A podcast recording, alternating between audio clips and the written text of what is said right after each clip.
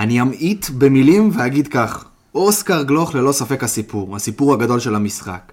סבוריד, המשחק הכי טוב שהיה, לפחות בעיניי, לפחות בעיניי, המשחק הכי טוב של סבוריד. ודניאל פרץ עם טעות לא קטנה בכלל. אבל כל המשחק הזה, אני אסכם אותו באיזה קלישאה. כשאתה מחמיץ, אז אתה גם סופג. יאללה, מתחילים.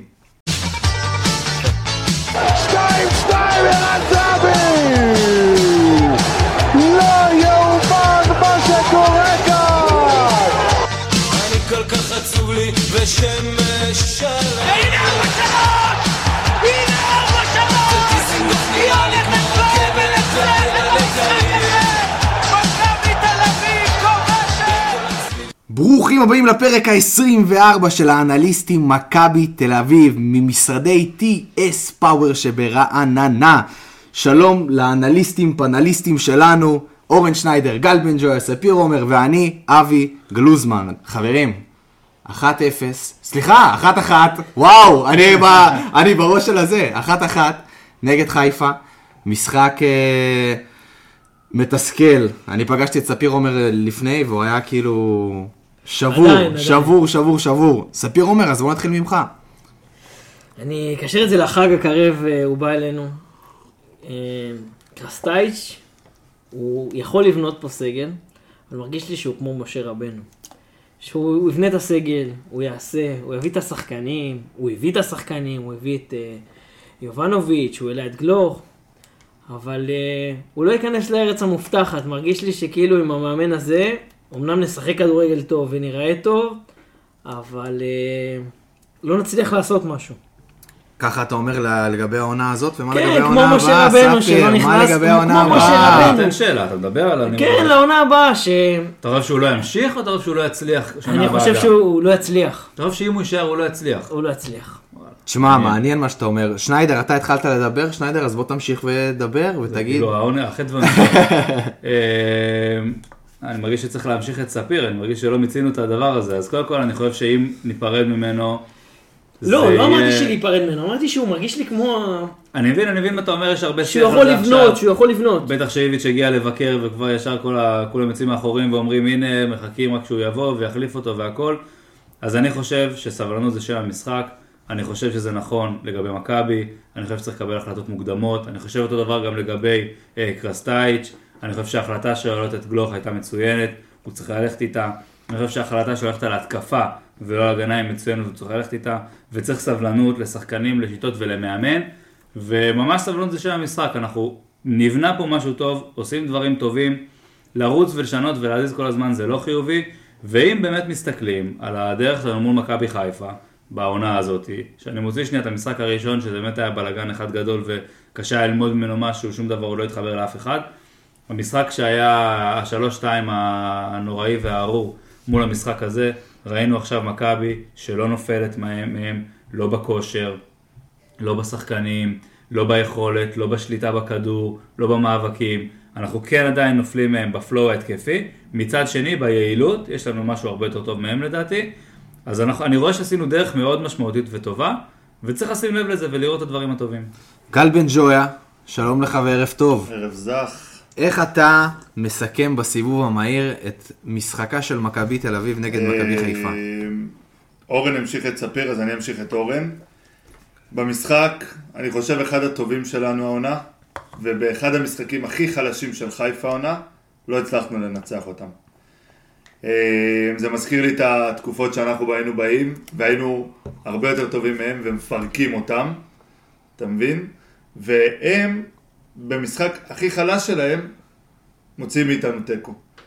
אה, זה מסכם את העונה? בדיוק, כן, שזה בדיוק התקופות שלהם, שהם היו יכולים לשבת, לא שזה קרה יותר מדי, כן, אבל כשהם היו הרבה יותר טובים מאיתנו ב, אה, בשנים האחרונות, כביכול במשחקים בינינו, והיינו מחלצים תיקו או מנצחים הרבה פעמים, זה בדיוק ההפך הגמור. הפעם אנחנו היינו הרבה יותר טובים, הגענו להמון הזדמנויות לגמור את המשחק הזה, ועדיין הם הצליחו להוציא מאיתנו תיקו. בן ג'וי, אני אשאר איתך ואני רוצה לדבר רגע על הסיפור. על הסיפור שזה אוסקר גלוך בעצם, שפתח, כבש, נתן משחק מעולה. מה, איך אתה, איך אתה מסכם את המשחק שלו, אתה יודע, בכל זאת, מבחינתי, קודם כל זה משחק פורה. נכון שהוא שיחק בגביע ובגביע הטוטו וזה, אבל זה באמת וואחד משחק פורה. זה באמת המשחק הראשון שלו. אה, נכון, זה המשחק ליגה הראשון שלו, שהוא באמת ככה עלה, אה, וכתבתי את זה בטור של לפני המשחק, אה, וסיימתי אותו בזה של אם אוסקר גלוך יכבוש וננצח, זה כאילו, מה זה מאושר מבחינתי. אה, וזה היה מאוד מאוד קרוב לשם. תראה, אני חושב קודם כל שהוא, איך, איך אוהבים להגיד? חוצפן חיובי. אה, הוא לוקח את הכדור והוא לא פחד, והוא, והוא עשה דריבלים שם שבאמת כאילו תפסת את הראש, כאילו זה שחקן שמשחק כבר עשר שנים בבוגרים. והוא תיקל, והוא רץ, והוא שחרר כדורים, ובאמת הכל היה מדויק. כאילו הסתכלת על שחקן ואמרת, בואנה, מה זה? יש לנו פה כוכב כדורגל ברמה הכי גבוהה שיש. אה, היה כיף לראות אותו. העלינו אחרי זה, אורן העלה אחרי זה את הסרטון אה, ניתוחים שלו וראינו איך הוא חוטף כדור לאלי מוחמד. אלי מוחמד זה השחקן ש... הכי קשה להוציא לו את הכדור הכי קשה מהרגליים. להוציא לו את הכדור מהרגליים. בליגה, כן. עדיין הצליח לחטוף לו והוציא משם איזה אה, אה, התקפה. התקפת מעבר אה, מתפרצת מטורפת, ושוב, זה שחקן שהלוואי, הלוואי, הלוואי, ומעכשיו, גם רשמתי את זה, עד סוף העונה, 90 דקות, כל משחק, לא להוציא אותו, כדי להכין אותו לעונה הבאה. שזה דבר שהיה נכון אגב גם אם לא היה לו משחק כל כך טוב, כי בסוף יש לך שחקן, כן היה צריך לראות כמה הוא מתאים לרמות האלה, וכן צריך לראות אה, שהוא מצליח לעשות את השינוי המנטלי ושהוא לא מפחד ושהוא עומד באמת מול שחקנים אחרת, אחרים ברמה אחרת, אבל גם אם הוא לא היה עד כדי כך טוב, ברגע שאתה רואה שהוא עומד ברמה הבסיסית המנטלית וה, ולהביא את היכולת, שזה ברור לכולם שהוא עשה, אז הוא צריך לרוץ ולשחק 90 דקות. אני לא חושב שהוא נתן משחק של כוכב כדורגל עד כדי כך, דווקא אפילו הייתי אומר שזה לא רחוק מזה, אבל לא שם. אני אגיד לך למה. אני ראיתי הרבה אי דיוקים, הרבה דברים שאני מרגיש שהגיעו קצת מהנוער, אה, כדורים לא מספיק חזקים, אה, מסירות כאלה קטנות שהוא כזה ניסה להכניס כדורים ולא מספיק חד, לא מספיק עמוק, אה, ראו את זה כמה פעמים, אבל אני כן מרגיש שהוא מביא מנטלית משהו, וזה דיברתי גם פעם שעברה, שאתה מביא שחקן מקבוצה, שמעלים שחקן מליגה לאומית שכבש 20 שערים, והוא מככב גם בליגת העל, או שמביאים שחקן מהנוער של קבוצה שרצה לאליפות ומשחקת כדורגל שוטף התקפי, הוא מביא את המומנטום הזה, והוא מביא את האינרציה הזאת, והוא לוקח את הכדור, כמו שהוא לוקח בנוער, בלי לפחד, ולא כמו שחקנים אחרים שעוד נדבר עליהם, במגנים ראינו את זה הרבה, ראינו את פיבן ודוד זאדה בהתחלה, מקבלים כדור על הקו, מתחילים את הריצה קדימה, ואז נבהלים ונעצרים, אז הוא רץ קדימה, הוא כל הזמן תוקף את קו ההגנה, ועושה דברים מאוד מאוד מאוד טובים. כמה, מצליח. כמה דקות הוא שיחק? הוא השלים? 87? שמונים ו- אה, 77. 77? ב-77 דקות האלה הוא עשה יותר ממה 85, שאלמוג, חבר'ה. 85, עשה יותר ממה שאלמוג וחוזז עשו בארבע שנים במכבי. נכון, אגב, זה באמת מראה שבמנטלית הוא יכול. מה זה יכול? ספיר, אני. לפני שאנחנו נתחיל לרוץ לשחקנים, אני חייב לשאול אותך משהו, ספיר. יש לך ילד כזה בנוער, מעלים אותו וזה, ואתה יודע, עשו מזה סיפור. אני, אני רוצה להגיד משהו על הפסטיבל. רגע, רק תן לי, פסטיבל לא, לא, לא. אז, רגע, אז אני אגיד לך למה אני מתכוון. הוא, העלו אותו, בין אם זה דן ביטון פצוע, לא פצוע, לא משנה, עלה. תראה, יש לנו שחקנים מוכש- מוכשרים בנוער, אוקיי?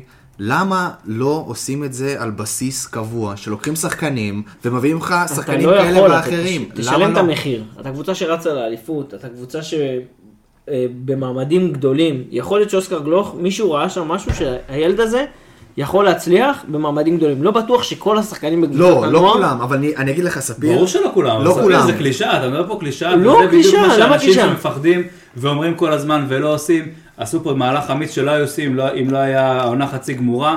נכון, אבל זה. לגיטימי, זה לגיטימי לא, לעשות את זה. במהלך שהעונה לעשות את זה גם שהעונה כשהעונה גמורה. לא גמורה, זה לגיטימי, מסכים, וזה שזה מסכים. עבד זה עובדה. אתה יכול להרשות לעצמך לנסות מדי פעם משחק 2-3 להביא שחקן. לא הולך, אתה רואה שיורדות לו הברכיים, אתה לא רוצה לתת לזה יותר מדי צ'אנס, אין בעיה. שחקן אחד, 30-40 דקות בקבוצה כמו מכבי, נגד חדרה, נגד אה, נוף הגליל, נגד ירושלים, מסכים. נגד ביתר של העונה. אתה יכול לעשות את זה מול הרבה קבוצות. צריך ל- ל- להיות יותר אמיצים ולהעיז יותר, אני עושים מסכים. את זה במדינות אחרות, זהו, בדיוק מה שאני- לעבוד. בעבר? בעבר עשו את זה במכבי. לי- בוא תראה לי קבוצות גדולות שככה לא, מעלות שחקני בית. לא, גם זלצבורג. אל תגיד לי ברצלונה, זלצבורג. זלצבורג. זה עושה מודל- את זה המון. רגע, אין בעיה. רגע, גם אבל זלצבורג גם זה- אייקס. היה- אבל שוב, אתם מדברים פה על אקדמיות כדורגל שמכשירות מחזור שלם לעלות לבוגרים. זה לא הסיפור פה. אז- אנחנו גם מדברים. על ליגה הישראלית והוא ליגה לא. לא, אין אני לא רוצה אבל זה לא להשוות. הסיפור, אתם מדברים פה על אקדמיה של אייקס שמייצרת שחקנים לכל העולם. אני אתן לך דוגמה. אתם מדברים על זלצבורג שמייצרת שחקנים לכל העולם, רובם הולכים לליגה הגרמנית. חבר'ה, אנחנו לא שם. אין ספק, אני לא רוצה להשוות, אבל רגע, רגע. תן לי רגע להתמקד בנקודה הזאת, מאיפה הגיע קמבינגה לריאל מדריד? מי? מירן מ- הצרפתית, מירן, מירן מירן. הצרפתית, הילד בן 18, קודם כל פתח ברן הצרפתית, אוקיי, זה לא מכבי אבל- שרצו אבל זה באליפות. קבוצת אמצע נכון, טבלה נכון, ומטה נכון, בליגה אבל הצרפתית, עדיין, יש הוא הגיע הבדל לריאל עצום. מדריד, קנו אותו בגיל 18 והוא משחק. נכון, והוא משחק, נותנים לו אבל- לשחק את החצי שעה, את ה-25 דקות. זאת אומרת, עוד פעם, אני לא משווה את עצמנו ל- ל- ל- לריאל מדריד ולכל הקבוצות האלה, אבל כן נותנים להם לשחק. והנה, בבקשה, יש לנו פה חבר'ה יש מוכשרים. בעיה, אבל- שזה עבד. רגע, שנייה. האליפות בריאל מדריד גמורה. אין ספק. האליפות לקחה. וליגת האלופות? אתמול. ליגת האלופות אתמול, הוא עלה מחליף אה, מחליף במקום קרוס, 70, וקרוס אה, 78 כבר לא אחרי היה. שקרוס באמת כאילו... גם זה משהו. זה, אין בעיה, ברור שזה משהו, אני לא אומר, שוב, רגע, אנחנו, בוא נשים רגע דברים על השולחן. אני לא נגד קידום צעירים, להפך, אני מאוד בעד, ראינו צעירים, זה השחקן שהכי קל לנו להתחבר אליו בתור אוהדים. נכון. שחקן שגדל בזה כמו דור מיכה, שהיה כל כך הרבה שנים במועדון, כמו אוסקר גלוך, שמגיל תשע הוא במועדון במכבי תל אביב, היה לו הצעה לעבור למכבי חיפה והוא לא עשה את זה. זה השחקנים שאנחנו אוהבים. לקחת אה, באמצע העונה, וגם אם זה נגד חדרה, כשאתה במקום ראשון או שני, ואתה רודף אחרי קבוצה, או שקבוצה רודפת אחריך, אתה לא יכול, אם הם מובילים 3-0 במחצית, תן להם לשחק. אבל במצב של 0-0, דקה 70, דקה, אני, לא, זה לא, אני. רוצה, תקשיב, זה זה יכול. לגמור קריירה של שחקן. הדברים האלה. בגיל כזה שנייה. צעיר, זה יכול לגמור. היה לנו- מוגזם. היה לנו מלא דוגמאות בקבוצה, בסדר. כמו אוראל אדרי, כמו גאל מרגוליס, היו לנו שחקנים כאלה שהעלו בגיל הזה, ונתנו, ולא לקחו את המושכות, ו... שנייה, זה שעשו דברים מסוימים לא נכון, זה לא סיבה לא לעשות את הדברים האלה אחרת ונכון. אני לא אומר לשים את השחקן ב-0-0 או בפיגור 1-0 נגד אה, בית"ר, כשאתה חייב לנצח כדי להיצמד לחיפה. אבל אם אתה שם את השחקנים האלה, להתעמד עם הקבוצה הבוגרת, מסמן ורואה את אלה שעומדים בעומס הפיזי, בלחץ, יש- רגע, בלחץ המנטלי, ואז אתה מגיע למשחקים. שאו שאתה פותח את המשחק שאתה אמור לנצח, ואז אתה אומר, אוקיי, דקה 45 זה לא עובד, סבבה. או שאתה שם אותם דקה 60, שאתה מוביל 2-0, או 3-1, אז אפשר. ושוב, שנייה, אנחנו לא צריכים להסכים על זה, זו הדעה שלי. אני איתך. לא, ברור. ברור. לא, לא, אני עם שניידר, וזה כיף שאנחנו לא מסכימים, כי זה הכיף. זה הכיף, הלא להסכים. אבל בוא רגע נעשה אתנחתה קטנה, גל בן ג'ויה, שתספר לנו על הרשתות החברתיות שלנו, ואז אנחנו נרוץ ונדבר על כלל השחקנים. התפוצצנו חברים, התפוצצנו, סתם, לא, אה, אין, יש לנו מאזינים פשוט מושלמים מועדי וכיף מכבי, גדול. הם אוהדי מכבי, אה, וכיף גדול, כותבים לנו, מגיבים לנו, דיונים, אה, אפילו היום מתפתח, אה, גם היום וגם אתמול התפתחו דיונים על אה, נתונים וכאלה, וזה כיף גדול, תמשיכו לרשום לנו ברשתות, אינסטגרם, פייסבוק, טוויטר. אה, בוא שאנחנו- בוא נמנף את זה, בוא נגיד, חבר'ה, אני קורא לכם מפה, למצוא לנו דוגמאות לשחקנים צעירים בליגה, שהעלו אותם מהנוער לקבוצה הבוגרת בעונה הראשונה. רציתי להגיד בן וזה לוז, הצליח, חיים יחשוב לכם על, חג'אג'. אה, על, על פרס. סגור. יש את בן לוז, יש את חיים חג'אג'. אחי, אל תיקח להם, תן להם, רגע, תן לה- תן לאנשים. נתתי שניים, נתתי אתה שניים. היסטוריון, אתה יכול לקחת את כולם. הוא תן היסטוריון להם. אדיר. דרך אגב, אני מופתע לטובה ממש מה, מהשיח שקורה באמת ברשתות החברתיות על הפן האנליסטי הזה. לא ציפיתי שהרבה אנשים אה, ממש אוהבים את, ה, את הדבר הזה. זה ממש הפתיע אותי. טוב, חברים, יאללה, נתחיל לרוץ, ונתחיל, תמיד, עוד פעם, אני רוצה להגיד את זה עוד פעם, תמיד אנחנו מדברים על דניאל פרץ, כמובן נתחיל ממנו השוער, ואנחנו אומרים ככה, מוכשר בטירוף, והמשחק הרגל צריך לשפר. לא, משחק יש לו טוב מאוד. זה- לא, לא, לו- משחק רגל הוא מצוין. טוב, הוא טוב, לא, לא. אוקיי, היה המון המון משחק רגל מצבים. טוב, אבל צריך לשפר. נגד, המשחק האחרון נגד חיפה, טעות בעיניי גדולה מאוד בגול של שרי, כי עמד לא נכון. אני לא מאשים אותו בהפסד, אבל זו טעות גדולה, שניידר. טוב, טוב, לא תראה, הפסדנו, אני- איך, נכון. אתה לא איתנו בתוצאה, אחד אחד נגמר. כן, לא, לא, לא. זה תיקו שכולו הפסד. לא, לא, לא. לא, איתו. לא. לא, לא, האמת. שיצאנו בתחושות יותר... לא, אני אגיד לך, בן ג'ויה, החגיגה של התיקו שלהם, לא. כשהם קפצו ורקדו ו- וזה, שיחגגו ככה תיקו כל החיים, זה מה שאני אומר. לא, לא, לא, בן ג'וי, אני, רק- תן לי רגע לענות לך על הדבר הזה. אני אומר לך, את האמת, זה באמת כמו הפסד עבורי. זאת אומרת, גם כשאתה סופג ב- בדקות האחרונות, נכון, תיקו והכל, זה, מבחינתי תיקו זה הפסד. במיוחד כשאתה סופג בדקה ה-93. כן, שניידר. תראה, אני חושב שהיה שם טעות, אין, ש- אין ספק, אה, משחק ארוך, מורט עצבים. אה, הוא עושה, הוא, זה טעות, שוב, להגיד לך, אני לא שוער ואני לא מאמן שוערים, ולהגיד לך שאהבתי את הגול הזה, ממש לא אהבתי את הגול הזה, והיה צריך אה, להיגמר אחרת. להגיד לך שזה רק עליו, אני לא יודע להגיד את זה, מה שאני כן יודע להגיד, סיימנו בתיקו, לא בגלל הפאול או לא פאול שעשה דן גלאזר, לא בגלל אה, איך שהעמיד את החומה דניאל פרץ, ולא איפה שהוא עמד וכמה מהר הוא הגיב. הפסדנו את המשחק הזה בגלל שני דברים. אחד, לא כבשנו את השני, מכמה וכמה וכמה הזדמנויות, ודבר שני, בחרנו, בחרנו, לא נפלנו מהרגליים, בחרנו ללכת אחורה. ברגע שאתה הולך אחורה ברמה כזאתי, זה עלול לקרות. עכשיו, ברגע שנכנסנו שלושה בלמים, והרחבה הייתה צפופה יותר, זה היה נראה כאילו הם המשיכו לתווך אותנו עוד חצי שעה, ולא ישימו גול.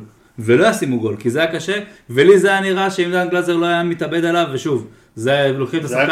היתרונות. והחסרונות, היה שם ארבעה שחקנים מול סן מנחם, אני לא רואה אותו עושה מזה גול. גם אבל- בו, זה לא שעכשיו שרי עמד על ה-16 בדיוק. או מסי. או מסי או אבו פאני או מישהו. זה.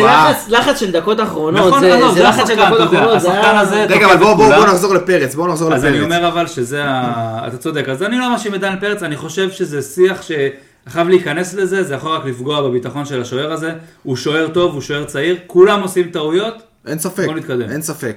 בואו נעבור uh, לבלמים, ואני רוצה לדבר על הבלם שבעיניי נתן את המשחק הכי טוב שלו העונה, אולי אחד המשחקים הטובים שלו במכבי, ואני לא מגזים. מתן בלטקס. גל בן ג'ויה, אה, סבורית. לפני שאנחנו ניגע בסבורית, חייבים פה להחמיא לקרסטייץ'. הוא עשה, הוא זיהה את היכולות של סאבו, אה, את האחריות שלו. אה, הוא שמע את הפודקאסטים שלנו. מה אתה אומר? הוא שמע. שמע את הפודקאסטים. הוא גם אה, מתקשר, דיבר איתך. שינה לו תפקוד והפך אותו לדעתי לבלם הכי טוב בארץ. אה, מבחינת נתונים, היה לו נתונים פשוט כאילו, מפלצתיים. באמת מפלצתיים, שתי מאבקי אוויר ב-100%, תשעה מאבקי קרקע מוצלחים מתוך 11, שתי דריבלים ב-100%, שלושה תיקולים ב-100%, 13 חילוצי כדור ורק ארבעה עיבודי כדור, ואם אני משווה אותו לפלניץ', הוא עלה עליו בארבע רמות. אה, וגם הגול בסופו של דבר שלנו, הוא סבורית שם. נכון. זה- הגול שלו. זה חבל הזמן, ראית? זה הגול הוא שלו. הכדור. 70 מטר מהשער. זה. החילוץ היחיד שהיה לו ב... לא, היה לו שלושה חילוצים, שלושה, רשום פה שלושה חילוצים אוקיי. בהתקפה. אה, סבבה. לא, בחצי של היריב היה לו אחד. כן, בחצי של היריב אחד. זה בדיוק מה שזה, וזה החילוץ כדור שהוביל לגול שלנו. הסתכלתי גם קצת על ככה, על הנתונים של פלניץ' וזה כאילו לא ברשמה. פלניץ' היה. משחק חושך, ואני מזכיר לכם שאמרתי שהוא יהיה נקודת תורפה בפרק עם קבסה. אה, ואני לגמרי חושב, גם היה. גם הגול שעשינו התחיל מלחץ של יובנוביץ' על פלניץ', שהרחיק לא טוב, סבורית שמגיע, אלוהים יודע מאיפה, לוקח את הכדור ומשם... ספיר, דבר אלינו לגבי סבורית, סכם לנו את המשחק של סבורית היה לו מצ'אפ כמובן. לא פשוט, היה לי חששות מאוד מאוד גדולים, גל, אה, גל אמר את, כמעט את כל הנתונים, אבל אה, היה מצ'אפ לא פשוט, גם דין דוד, גם אצילי שנכנס מהצד, גם חזיזה שהיה לו, נדבר עוד מעט על פיבן, אבל אה, זה היה משחק, אם זה היה נגמר באי ספיגה, זה היה משחק מושלם, אבל זה, ספגנו בסוף. אה, וזה לא, לא הפך אותו, זה לא מושלם, הפך את המושלם, מושלם, לא, מושלם. אני לא יכול להגיד שאתה סופג גול, לא משנה אם הוא כן, אשם, לא זה אשם, גם נכון. אתה לא יכול להגיד מושלם שאתה סופג גול בדקה האחרונה. המשחק... דבר אחד שלא נגענו על סבורית שאני רוצה להגיד, כן. ונגענו בקטנה, אבל חשוב לה- להזכיר את זה, היכולת שלו לצאת, ואגב זה בדיוק מה שפלנג' גם נפל בו כמה פעמים, שהלך לאיבוד לגמרי, נדבר על זה עוד מעט, אבל היכולת שלו לדעת לצאת ולקחת את הכדור לפני שחקן ההתקפה, תמיד שהוא, כמעט תמיד, שהוא נכנס לפני השחקן, הוא זוכה בכדור, וזה נותן לנו כל כך הרבה... אה, מצבים התקפיים שאתה, שההגנה שלהם לא מסודרת, וזה עוצר את ההתקפות שלהם ב- ב- בנקודה נכונה, ופשוט האינטליגנציה ההגנתית שלו והאינטליגנציית המשחק שלו היא משהו שהיא לא של הליגה הזאת. בואו נעבור לסע, רציתי להגיד אורלנדו סע, אבל זה לא אורלנדו סע, זה ז'סואה סע. ספיר עומר, בוא דבר אלינו, כי בהתחלה כשראיתי אותו בהרכב, אתה יודע, הוא שיחק... חששנו, כולנו תראה, חששנו. הוא שיחק 45 דקות, אני לא זוכר נגד מי זה היה, אבל הוא שיחק 45 דקות. הפועל חיפה. הפועל חיפה, 45 דקות. אה, אתה יודע, אי אפשר לשפוט שחקן על משחק אחד. ואז הגיע סע, נגד חיפה, אתה יודע, בלומפילד, 30 אלף איש, פותח בהרכב, ומה יוצא מזה? אה, שישה חילוצי כדור, אה, מאבקים, אמנם יש, תמיד אנחנו מדברים על הבלם הדומיננטי והלא דומיננטי, אז הוא היה פחות דומיננטי. אה, רק סך הכל שישה מאבקים, ארבעה מוצלחים, אה, 67 אחוז. אה, אבל מה שראינו, שאין לנו בלמים כאלה, זה הנעת כדור. ראיתם שחק... בלם שיודע להניע את הכדור, שיודע לצאת לא קדימה. נלחץ. לא נלחץ, זה חשוב. אה, שיודע לצאת קדימה, ויש לנו גם בלם כזה בצד עם רגל שמאל, ויש לנו גם בלם כזה ברגל ימין. למרות שהיה רגעים במחצית השנייה, שמכבי חיפה עברה לשלושה בלמים, ובכל זאת התעקשנו להניע את הכדור, שבסוף היה אה, שלוש נגד שלוש בחצי של, בחצי של מכבי חיפה, אם אתה מעיף את הכדור קדימה. והתעקשנו להניע, אבל הם הצליחו לעמוד בזה, הנעת כדור הייתה מצוינת שם, למרות הלחץ הגבוה של מכבי חיפה, הוא עמד בזה מצוין. בן ג'ו, אם אתה לוקח את סע ואתה משווה אותו לנחמיאס... לא, לא, לא, לא, לא. מה? למה לא? מה, זה כמו להשוות פרארי לסופר. זהו, אז רגע, אז בוא ניקח, את היתרונות אנחנו מבינים, אבל אם יש חסרונות לסע, תראה, רבע שעה ראשונה הייתה מאוד מבולבלת שלו. היה לו שם איזה שתי טעויות טעויות מטורפות, מה זה, כמעט חטפנו גול בגלל זה. אבל בוא, זה שחקן שלא שיחק נכון, עוד נכון. לפני שהוא הגיע למכבי. אני הופתעתי שהרכיבו אותו כן, במשחק הזה. בסדר, כי נחמיאס נפצע ולא, כנראה שלא היה את מי. בלטקסה, מתן בלטקסה, אני מת מזה. שוב, לא, כנראה אבל לא- זה ההתעקשות הזאת, זה לא ההתעקשות הזאת על... אבל עושים... לא מובן. כן, זהו. לא מובן לג... ב... זה חלק מהשיטה, זה כן. חלק מהשיטה, אנחנו צריכים להבין את זה. אה, וכאילו היה לו את הרבע שעה המוזרה הזאת של אה, זה. אה, מבחינת הנתונים, גם בו לא היה לו נתונים אה, מטורפים, אבל פתאום היה שקט בהגנה. היה שקט, כאילו לא היה לך את העציבות הזה של ג'רלדש נחמיאס, לא יודע.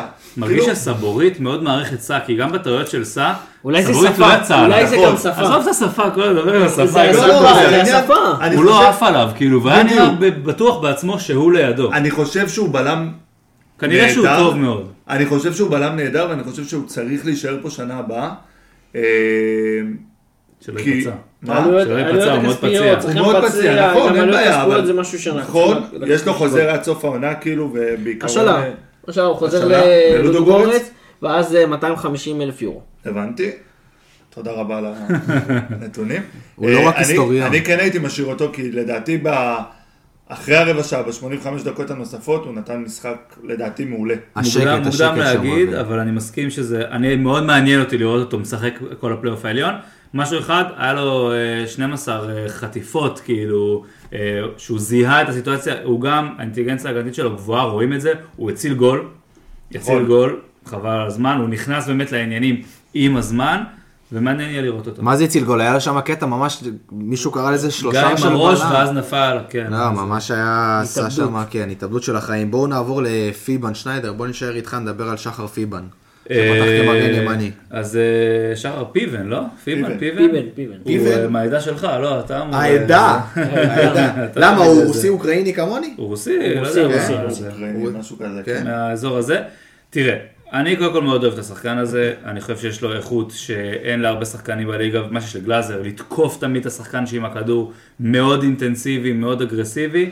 אה, אני חושב שהוא יתמודד, אבל? רגע, אז אני חושב שהוא יתמודד מצוין רוב הזמן, הגנתית עם חזיזה, אחד המצ'אפים הקשים בליגה באחד על אחד, חזיזה כן ברח לו פעם או פעמיים, וגם צ'יבוט הצליח לנער אותו פעם אחת, אבל שוב, הוא לא משחק הרבה, ואני בטוח שעם הזמן הוא יעשה את זה יותר טוב. הוא היסס הרבה פעמים ביציאה שלו קדימה, וזה היה בעוכרינו מאוד, כי במערך הזה של 4-4-2 יהלום אתה מאוד בונה על המגנים שירווחו את המשחק לא רק בשביל ההת- ההתקפה, אבל היה לו, היה לו שם כמה לו, היה לו, היה לו, יציאות. היה לו, בהתחלה הוא יציאות. היסס, לקראת הסוף הוא צבר יותר ביטחון והוא עשה את זה טוב מאוד. היה לו שם חצי מגרש להשכרה שם ב... נכון, נכון, היה לו כמה אה, מצבים אה, מאוד טובים, עוד מעט נגיע קצת להזדמנויות שהיה לנו, שהוא לקח בהם חלק, היה שתי הזדמנויות של מכבי, שפיבן הצטרף קדימה, גם בבעיטה של יובנוביץ', שפלנץ' לא סגר אותו בזמן, וגם שהוא ודוד, הוא יצא קדימה ואז דוד זאדה לקח את הכדור ונתן מסירה מעולה אה, ליובנוביץ', שבעט מזווית לא טובה, שרצינו שיביא רוחב אולי, אבל כשהם יצאו קדימה וכשפיבן יצא קדימה, הוא עשה את זה לא רע בכלל, אה, וזה מראה שיש לו את היכולת הזאת, ראינו את זה גם בעונות קודמות, שהוא יודע לצאת קדימה למרות שהוא מתויג כאילו יותר הגנתי, ניסו לתפקד אותו כקשר אחורי כי הוא גם יודע להניע כדור, אבל שתי דברים, ש, אה, משהו אחד שלא אהבתי, הוא, וזה לא אופייני לו בעיניי, כמה פעמים הוא כאילו התייאש, עברו אותו או לא קיבל עבירה שהוא היה צריך לקבל, חייב שהיה צריך לקבל, והוא מסתכל, מרים את הידיים לשופט, מדבר עם השופט, ולא ממשיך עם המהלך, אני חושב שהוא צריך לנער את הדבר הזה ולהמשיך, כי הוא בהחלט שחקן שיכול להיות בקלות אופציה שנייה, גם למגן ימני, גם לבלם, ראשונה. וגם ימין. אופציה ראשונה. מגן אז ימין, מגן ימין, אבל הוא לא בדיוק, אני לא חושב שהוא בדיוק האיכות שאנחנו קבוצה. צריכים. אז זה צריך להיות תלוי קבוצה שאתה משחק. במכבי תל אביב הוא יכול להיות אופציה ראשונה לבלם ימין, אם סלום משחק, לדעתי. אני, אני מעדיף אותו היום גם על ג'רלדש וגם על קנדיל. נכון, אבל, נכון. אבל אני לא חושב שכמגן. ימני כרגע הוא מספיק טוב לאידיאל שלנו. אה, לא, לא לאידיאל, אני מדבר מצב כרגע, נתון כרגע. מצב נתון חד משמעית. כרגע הוא... בעונה הבאה, עונה הבאה אני מקווה. שיבוא לפה מגן... אה, אתה משאיר אותו? חד משמעית. חד משמעית. ספיר, תן לי רגע נתונים על פיבן. רגע, ואנחנו נ- נמשיך הלאה. אה, שחר פיבן, המשחק שלו, שוב, ה- הנתונים שלו, הנתונים הם קצת כן הם משקרים. כאילו... הם לא... ארבעה עיבודי כדור, שניים וחצי שלנו, אה, חמישה חילוצי כדור, אחד וחצי של היריב, אה, 50% במאבקים. אה, בס- זה לא נתונים שהם... אה, זה לא, שישה אבל... תיקולים מאוד מאפיין אותו, חמישה חילוצי כדור אחד וחצי שלהם מאוד מאפיין אותו, הוא שחקן מאוד אינטנסיבי. הנתונים שלו משקרים מהבחינה הזאת שהוא הייתה לו מטרה אחת במשחק הזה, לסגור את אה, חזיזה. והוא עשה את זה בצורה מעולה. אני לא חושב ראית? שזה המטרה אחת, כי המטרה שלו הייתה גם לצאת קדימה ולתמוך בהתקפה ולחלץ אני ולצאת קדימה קודם כל. מגנים, ה- ש... במיוחד, במיוחד מכבי חיפה שהמגנים שלה נכנסו המון המון לאמצע. לא משנה, אבל אני אומר, המטרה המרכזית של חוליית הגנה, זה, אתה יודע, נכון. שחקני התקפה של הזה לפני שהם מתקיפים. והוא עשה עבודה מצוינת על חזיזה, וחזיזה כמעט ולא נשם שם. באמת, היה לו לדעתי איזה פעם אחת שהוא הצליח אה, באמת לזרוק אותו. אה, אני מאוד אוהב את שחר פיבן, אני חושב שהוא הוא נכס לקבוצה, כי כמו שאורן אמר, הוא יכול לשחק במגוון תפקידים, וכביכול הוא קולבויני כזה, כמו יני, שאתה יכול לזרוק אותו בכל תפקיד, הוא והוא יהיה טוב, אבל כי- הוא מהיר, יותר, הוא נכון, חזק, הוא יותר, חזק. הוא אגרסיבי, והוא כן. נותן אחלה דברים. בואו נעבור מפיבן לדוד זאדה, ספיר עומר, שנתן משחק לא רע בכלל. לא רע בכלל, דווקא אני התאכזבתי מה... מהמון מצבים. למה כגון? ש... שגם חוסר רודריגז וגם אה, עומר אצילי היו מולו, והם פשוט עלו ולחצו אותו. והוא הוא לא הצליח המון פעמים לצאת את הכדור, עם, הלח, עם הלחץ הוא לא הצליח לצאת קדימה. אה, רגע, היה לו בואו שישה עיבודי כדור. אוקיי. בוא אחי, לצאת מול אה, אצילי ו... נכון, ו- נכון, אבל בוא, זה לא? זה לא אה, מסי ורונלדו. אבל אה, עדיין אני מצפה שהוא יבוא ויתמוך, ובמיוחד הדאבל פאסים האלה עם דן גלאזר. זה אה, לא מרסלו אחי. נכון, והיה לו קצת בעיה גם עם שמיר שם בהתחלה, אה, עם הלחץ, נגיע- נגיע לשמיר. אה, שכאילו לא תמך בו. אה, שישה, שישה עיבודי כדור, אחד בחצי שלנו, ארבעה חילוצי כדור, אחד בחצי של היריב, אה, 14 מאבקים, 43 אחוז מוצלחים. תראה, אני חייב להגיד לך שדוד זאדה, כאילו, אצילי היה עליו, והוא התמודד עם אצילי בצורה פנטסטית. תשמע, אני אמרתי לפני המשחק שלשים את אה, דוד זאדה לרוץ אחרי אצילי כל המשחק זה כמו להתחיל עם המארחת בבר, זה לא משהו עם הרבה סיכוי, אבל אה, זה יכול לעבוד, אבל הסיכויים הם לא טובתך. הוא התמודד עם אצילי מצוין. הצליח עם המערכת. התמודד עם אצילי. מצוין, הוא נתן, יצא, שוב, הוא לא, כמו פיבן, הוא לא יצא מספיק קדימה, הוא לא תמך מספיק בהתקפה, אבל הוא עשה את זה כמה פעמים, ועשה את זה מעולה. הוא נתן ליובנוביץ' כדור שיכל והיה צריך להסתיים בגול, נתן. נתן איזה כמה קרוסים טובים, חבר'ה, גם אל לו. תשכחו, גם אל תשכחו, אנחנו אומרים, הם לא יצאו יותר מדי קדימה. בואו, ההתקפות מעבר של חיפה זה אחד הדברים הכי מסוכנים כאילו נכון, בליגה. נכון, נכון. אז לזה שהם נשארו קצת מאחורה כדי לא לאפשר לחיפה את ההתקפות לא מעבר להפקיר, האלה, נכון. לא להפקיר. אם הם לא היו עושים את זה נגד חדרה, הייתי אומר לך, למה הם לא יצאו קדימה? והם פה לא אני היו יכול עושים- לקבל והם את לא זה. עושים את זה גם אני נגד מרגיש לא. שהקבוצה הקבוצה הייתה יכול, יכולה, טוב נדבר על ההתקפה ועל הקישור, אבל הקבוצה הייתה צריכה לשים הרבה יותר ולא הצליחה. וחלק מזה גם, לפעמים ההתקפה שלך מתחילה בהגנה. והגנה לא חייבת לעשות רק הגנה, במיוחד לא מגנים. ראינו את זה עם דוד, עם אה, סבורית. שהוא בדיוק, יוצא אבל- קדימה ועוזר לך לזה. אני הרגשתי שבמיוחד המגנים, היציאה קדימה, במיוחד נגד מכבי חיפה, שהנקודת תורפה שלה, היא שהמגנים שלה נכנסים, עולים המון. ואם אתה מחלץ כדור, ואם אתה יוצא קדימה, אז אבל היה לך את זה, היה לך, הפתעת אותם כמה היה פעמים. לך מעברים טובים. היה לך מעברים טובים. דרך הקישור. בסדר. גם דוד זאדה ופיבן, ההזדמנות שאני מדבר עליה. זה היה מסירת מפתח. אחת של דוד זאדה, ו... בן ג'אק שאמרתי שהיה משחק לא רע לא- לדוד זאדה. אז אה, ככה... שוב, הרמת מה זה- גבה. לא, מה זה משחק לא רע? כאילו, הוא נתן משחק דוד זאדה קלאסי, הוא... שוב, אנחנו מדברים על זה כל כך הרבה.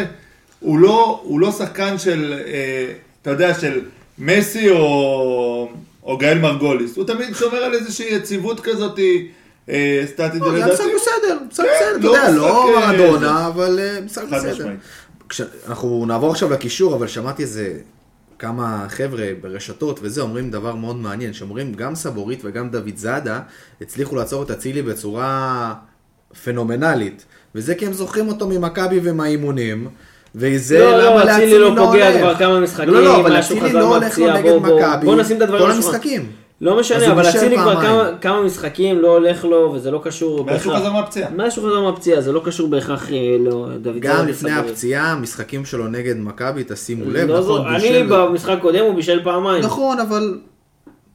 תשימו לב לזה, תשימו לב לזה. תראה, אני אתן לך כמה נתונים על אצילי, אה, לפני המשחק מול מכבי, שהכנתי לקראת הפרק עם חיפה. אוקיי. אה, מבחינת איפה הוא ממוקם בזה, ה-XG שלו, מתחת לאבו פאני, בשבעה משחקים האחרונים, מתחת לאבו פאני, מתחת לסן מנחם, 0.6, דין דוד 2.8, צ'יבוטה 1.7, אלפונס המגן שלהם 1.07, סן מנחם 0.8, אצילי 0.6, הוא לא נמצא שם, בעיטות לשער, שרים 19-8 למסגרת, אה, דין דוד עם 11-6 למסגרת, חזיזה עם 11-3 למסגרת, אצילי עם 9, רק 3 למסגרת. אה, מסירות מפתח, שזה אחד הדברים הכי חשובים שהוא נותן, צ'יבוטה עם 13, אגב נגדנו חמי, חמישה מסירות מפתח, ארבע מוצלחות, שרי עם אה, 10, חמש מוצלחות, ואצילי עם, עם חמישה, שתיים מוצלחות. חמש. חמש, סליחה, חמש, שתיים מוצלחות. הוא ממש בירידה בשבעה משחקים האחרונים, הוא לא בפורמה טובה, ואני חושב שהוא, שהוא כאילו היה להם עבודה פחות קשה היום, אה, אתמול, ביום שני. כן, הרבה פעמים הצליחו לעצור אותו, הוא לא הצליח כמעט עצר את לעבור עצמו, הוא כמעט לא ניסה? הוא לא ניסה, הוא לא מסר מספיק, הוא לא היה, הוא לא שם. טוב, בואו נעבור לקישור, בואו נדבר על אה, גל בן ג'ו, על דן גלאזר. כאילו, ממש. מבאס, ממש לוקח אותך לדקה מבאס, 93. ממש מבאס הפאול הזה, כי כמו שדיברנו על זה, מי שהגיע זה דווקא סן מנחם, והיו שם עוד, הייתה שם ברחבה צפיפות לא נורמלית, אה, אבל חוץ מזה הנתונים של גלאזר לא, לא רעים, יש לו שתי מאבקי אוויר מוצלחים, אה, שישה מאבקי קרקע מתוך 11, אה, טוב, דריבלים יש לו אפס, אבל זה לא, אתה יודע, זה לא הספציאל שלו. אה, תיקול אחד מתוך ארבעה, 25 אחוז, אה, זה קצת חלש לדן גלאזר. אה, תשעה חילוצי כדור, שתיים בחצי של היריב, אה, והיה לו עיבוד כדור אחד בחצי שלנו. דן, גל... דן גלאזר של העונה זה, זה דן גלאזר פחות טוב מדן גלאזר ב... בעונות הקודמות. אה, הוא חווה ירידה מסוימת. אה, תראה, אני. אני קשה לי עם ה... אני מבין למה אתה אומר את זה, וזה לא תלוש מה שאתה אומר בכלל, אבל אני מרגיש שזה נראה פחות טוב בגלל הצוות התומך שלו, כי מה שהוא נותן זה לעצור את הקישור של היריבה, זה לחלץ כדורים, זה אה, לעצור מסירות, הוא, הוא סוגר זוויות בצורה טובה, זה לתקוף את השחקנים, זה להפריע להם לשים גול. עכשיו, קבוצה שלא עושה את זה טוב כקבוצה, זה כאילו נעלם, זה כי. מכבי לא מרגישה כמו קבוצה שאי אפשר להגיע לרחבה שלה, כי אפשר להגיע לרחבה שלנו, אבל זה לא בגללו. כשלידך אה, יש את אה, גולסה שכמעט לא משחק, שמיר בעונה לא מספיק טובה, דן ביטון שמשחק בשמונה ולא עוזר ל- ל- למערך הזה, בלמים שעושים המון טעויות, מגנים שלא סוגרים מספיק טוב, כל, הרבה חילופי מאמנים, קבוצה לא מספיק מאומנת, אז זה נראה לא טוב, אבל דן גלאזר מאוד יציב, עובד כל הזמן, סוגר מצוין. לא אמרתי שלא. שסוגר. כן, כן, כן. לא בסדר. אמרתי שלא, אני אומר, אבל הוא נראה פחות טוב, זה, אני לא מרגיש שהוא עושה, תראה, עיבוד אחד זה זה בדיוק כמו. אבל ההגנה של מכבי. שבתקופה של איביץ', ההגנה של מכבי הייתה מתחילה בהתקפה. עד שהיית עובר את ההתקפה, את הקישור, היית מגיע להגנה עם לא הלשון היו בחוץ. בועטים נגדך בכלל. בדיוק, זה מה שאני אומר, היית מגיע להגנה עם הלשון בחוץ, קבוצות לא היו, נכון. לא היו זה. היום אין לך את זה, לא את ההתקפה ש... אה, שהיא מפעילה לחץ, אבל היא לא עושה את זה בצורה הוא לא נכונה. עושה את זה בכלל טוב. והקישור, עוברים אותו זה, ואז נשאר כאילו גלאזר והבלמים. נכון? אז כאילו זה לא ש... אבל עונה לא טובה זה נגיד מבחינתי, לא, לא שהוא אמרתי- יורד לתיקולים לא, לא עונה טובים. פחות טובה. שיש לו יותר מדי צהובים, אדומים. עונה פחות טובה ממה שהתרגלנו לראות אה, מדן גלאזר. אני חושב שאין מה יותר מדי לדבר עוד על דן גל- על דן גלאזר, בואו נלך לשמיר, ופה ספיר עומר הולך לדבר ולהרחיב על עדן שמיר. טוב, עדן שמיר, בואו נתחיל מהמיקום במגרש. אה, לפני שאנחנו מדברים רגע נתונים, המיקום שלו במגרש היה סוג של אה, השמונה שמשחק... אה, אמצע לכיוון- ימין. באמצע ימין. עכשיו, לא היה ברור שם מי הוא סוגר. אה, כל הזמן היה שם את אבו פאני, ומצד שני בא חוסר רודריגז. זה לא בגללו. מה שקרה שם, לדעתי, כל הזמן, אם תשימו לב, סליחה שהגעתי אותך, לא, הוא פשוט, אני, יש לי, אה, תשלים. הוא פשוט הרגיש לי כאילו הוא רץ על ריק. ראיתי שהוא נעלב. לא, לא, חס וחלילה. אה, הרגיש לי שהוא רץ על ריק. שהוא רץ כאילו על אה, כזה, אני לא יודע את מי אני לוקח. אני לא יודע, אני לא יודע מה אני עושה, כאילו, המון פעמים הוא כזה נאבד במקום. אני מסכים איתך, זה היה משחק ממש פחות טוב של שמיר, הוא לא גרוע. חוזר לעצמו. זה היה משחק גרוע. אני חושב שהבעיה של מה שאתה אומר שלא ברור את מי הוא שמר, זה היה מכל הכיוונים. שימו לב, כשהיינו בהגנה, אנחנו כאילו משחקים ארבעה קשרים, אתה מצפה שיהיה לך אה, אובר כוח, שתהיה יתרון מספרי בקישור. בהגנה, כשעשינו הגנה זה לא בא לידי ביטוי, למה? כי הקשרים כל הזמן נפתחו לצדדים אה, לעזור למגנים עם המגנים של מכבי חיפה, ואז כל הזמן נוצר מצב שאחד הקשרים של חיפה פנוי, תמיד היה להם אה, יתרון מספרי במרכז, ואז שמיר וקניקובסקי וגם גלאזר כל הזמן ניסו לרדוף ולסגור את השחקן הנכון, וכל הזמן היה מישהו פנוי, שמיר כאילו- עושה את זה כאילו הם רודפים. שמיר פחות זריז מקניקובסקי, ובגלל זה בא לידי ביטוי שיותר קשה לו לנהל את הדבר הזה, וזה היה המשחק לא טוב שלו, אבל הוא, זה לא שהוא לא ידע על מי, על מי לשמור, זה שהוא לא סגר מספיק נראה מהר. ככה, אני לא יודע מה, מה עבר לו בראש, מה קרה, לא, זה אני היה נראה ככה. כאילו הוא רודף אחרי שאתם, שיש, שישה עיבודי כדור, שניים בחצי שלנו, אה, מאבקים ב-25%, בוא, זה, זה נתונים שמראים כמה שחקן לא, לא היה לו משחק טוב. 25% במאבקים, זה אומר שכל מאבק, הוא היה נראה אבוד, הבן אדם לא שיחק גם תקופה. אז לפני? לפני, לפני המשחק שפורסמו ההרכבים, התכתבנו בקבוצה ו... ולא הבנתם את הזה, וספירה שם, סע גלוך ושמיר בהרכב. ואז רשמתי, כל ההרכב הזה, ורק שמיר מפריע לי.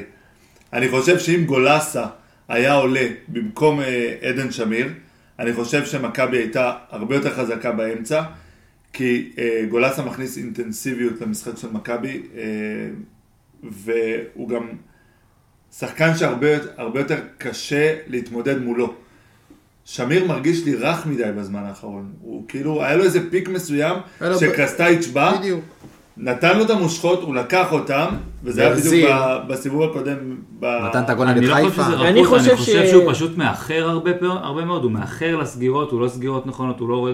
אני, שוב, בגדול, תקן אותי ספיר אם אני טועה, כי אני חושב שהוא כן אמור להיות בדיוק השמונה, בדיוק השעה הוא אמור להיות 50-50, ה-50-50, אבל אנחנו ראינו במכבי העונה הזאת שהוא טוב בשש, הוא לא טוב בשמונה, בטח לא שמשחקים אה, ביהלום, כי הוא לא טוב ב- בתזוזות האלה לצדדים.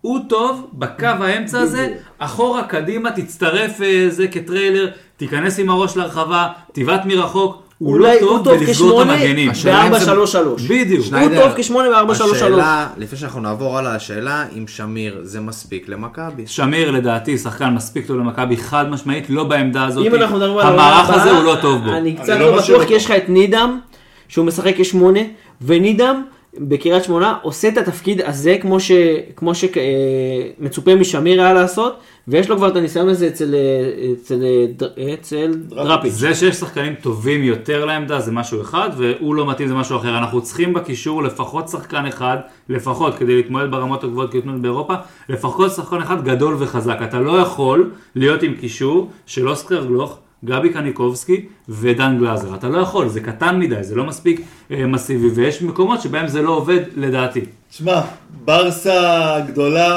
הממוצע גילאים שלה היה עזוב, מטר. שבעים. אז בוא משחק- נדבר גם על אה, אנזו לא, פאטי שהם העלו אני- לא. לא, לא, לא, שישה אה, קישור של אה, פדרי וניקו ו... וגבי, לא משנה, לא, אני צוחק, נכון, כאילו, לא. דיברתי על ברסה הגדולה עם אה, מסי ודני אלבץ וכל ה... ברור שאפשר, אבל הקבוצה. הנמוכה באירופה. כן, אני, רק אומר. שכאילו, לא הייתי קונה את שמיר.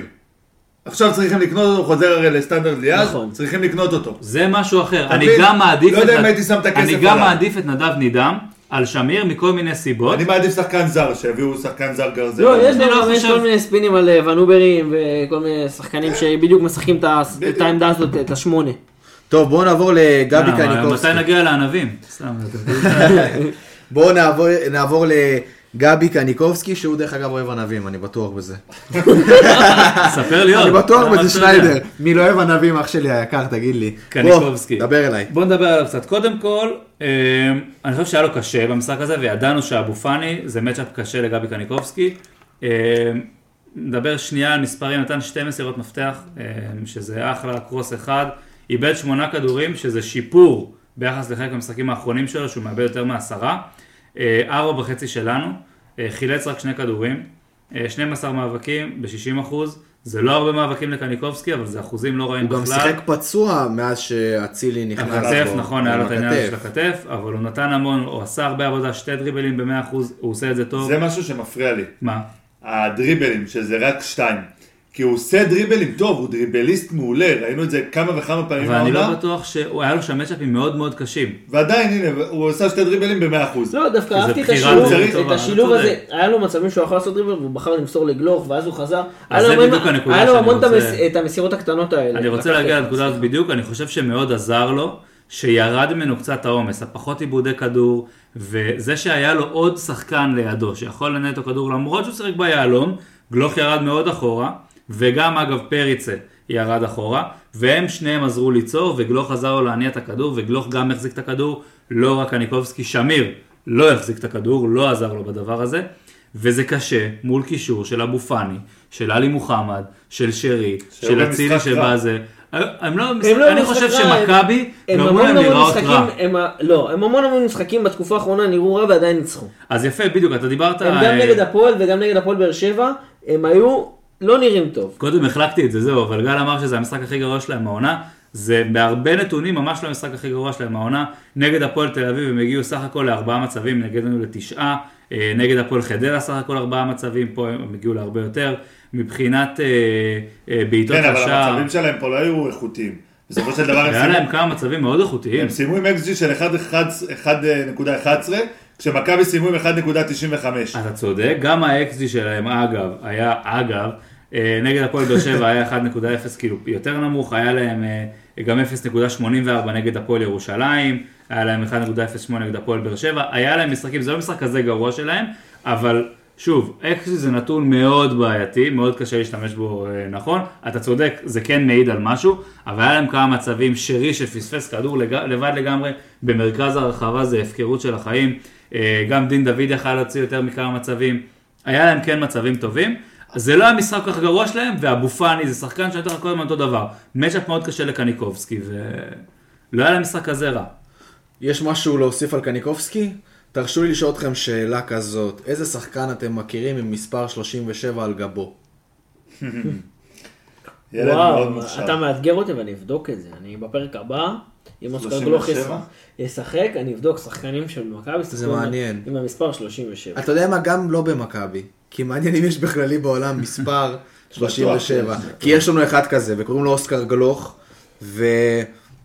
ואני לא יודע, אני חושב שכולם רוצים לדבר על אוסקר גלוך, אני לא יודע למי לפנות. טוב, שאלה קטנה לפני זה, out of context לגמרי, לדעתכם אם שחקן אחר בועט את הכדור הזה, שזה פגע בזה, עושים גול עצמי או נותנים אותו לשחקן? לא, לא. לא, נותנים אותו לשחקן, האמת נותנים אותו לשחקן. אני- אני אגיד לך מה, תכלס, נותנים אותו לשחקן. ה- זה גול הכדור עצמי שינה- כיוון וכאילו הכדור הלך לצד שני ופגע ב... אז ש... איך קוראים לו? קניקובסקי בעט וזה נגע לחיילה. בבטן, זה הגול של חלילה, נכון. נכון? אז אה, לא משנה, אבל... פרגנו, כן. פרגנו. הופה, מי מי זה, מי זה, מי זה, זה דבר. אילש מברצלונה, השחקן גבול 37? המרוקני.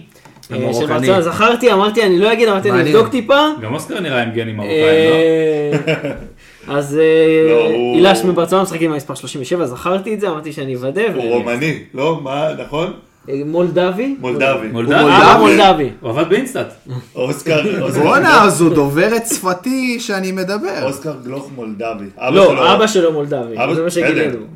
רגע. אבא שלו הגיב לנו בזה ועשה עשה לנו לייק. מולדבי, 37, בן ג'ויה, בוא נתחיל ממך. עלה בחור, נער, מהנוער, בן 18, במשחק כזה גדול, ונתן משחק וכבש. בוא נסכם רגע את המשחק הזה עם כל הבלאגן שאנחנו מדברים סביבו. אה, תראה, דיברנו עליו בתחילת הפרק ואמרנו עליו, אה, ואמרנו עליו המון דברים טובים. בסופו של דבר, אם הוא יעלה במשחק הבא ולא יעשה כלום, זה לא שווה שום דבר. הוא צריך לשמור על יציבות, אה, ואני לא אומר עכשיו, עכשיו הוא נתן יחסית לשחקן שעלה מהנוער, הוא נתן משחק מעולה. אני לא מצפה שהוא ייתן את אותו משחק בזה, אבל כן שישמור על איזושהי יציבות מסוימת. לא שבמשחק הבא אנחנו נראה, אה, לא נראה אותו כמעט מעורב ב- במכבי, ואני לא חושב שזה יקרה. כי כמו שאמרתי בהתחלה, יש לו את החוצפה החיובית, הוא לא מפחד ממאבקים, הוא בא לקחת כדור, הוא יוצא קדימה. נכון, אורן אמר, יש לו עוד כמה דברים לשפר, זה הנגיעות הקטנות האלה בכדור, אה, והפסים החלשים. היה לו שם מצב של, באמת, של... חייב לשים גול. גם הבעיטה שלו וגם המסירה שהוא קיבל, עם אני לא זוכר פריצה. עם הדאבל והוא לא פאס. הצליח לעצור. לא, לא, לא, שנייה, יש לא, את לא, לא הבעיטה אחד שהוא על אחד, בעט, יש את הבעיטה, עוד. אחת. אה, שהוא לא הגיע לכדור אה, כזה בסוף, נכון. באמת, אתה חייב לשים מזה גול. שהוא נגע בכדור והכדור. ברח לו. אה, נאיביות כזו שאתה אומר, תשים כבר את הגול זה- הזה. זה לא זה שחקן צעיר, זה המחיר שאתה משלם על- שחקן זה צעיר. קורה גם לבכירים, לא, נכון. זה קורה גם, אני רק אומר שזה, בואו, עד היום הוא שיחק בליגת נוער, שזה לא ליגה אינטנסיבית כמו אה, ליגת העל, זה יותר אינטנסיביות במיוחד נגד מכבי חיפה, ואני חושב ששם במצב הזה שאתה מדבר עליו, שהוא נגע בכדור, הוא כבר היה הלשון עייף, בחוץ, אה, הוא כן, עשה ילד עבודה בן 18, נהדרת. נכון. אנחנו, יכול לא. אבל מה אנחנו מצפים ממנו גם, חבר'ה? הייתה רוצה- ציפייה, זה לא נכון. הייתה לא, ציפייה. הייתה ציפייה, אבל הוא נתן, הייתה הוא ציפייה כי, זה מה, נתן. נכון, זה מה שאמרנו, זה שחקן שאתה לצפות לו. אז אני רוצה אה, לדבר על כמה, אה, על כמה נתונים של, אתה יודע מה, אני אשאיר את הנתונים לכם, תמשיכו את זה אחר כך. אני רוצה להגיד כמה איכויות שראינו ואי אפשר להתעלם מהן. האיכות הראשונה מאוד חשובה, מנטלית, השחקן יודע להביא את עצמו. דיברנו על זה, גאל מרגוליס לא הצליח לעשות את זה, אה, אילון אלמוג לא מצליח לעשות את זה, של לבוא ולהביא מה שאתה מביא בנוער. אתה אומר, אני מגיע לבוגרים, בבמה הכי גדולה, בלומפילד עם אה, 30 אלף צופים, כולם צורכים, והוא מצליח לתפקד ולשחק בצורה טובה, דבר ראשון. דבר שני, מה ראינו שהוא יודע לעשות? להחזיק את הכדור. היה לו כמה, זה גם רואים בסרטון, השתחררויות. בין שני שחקנים, תחת לחץ, לוקח את הכדור, יוצא קדימה. הוא גם איבד כמה כדורים, לא הרבה אגב, סך הכל שלושה איבדו עיבודים, אפס בחצי שלנו.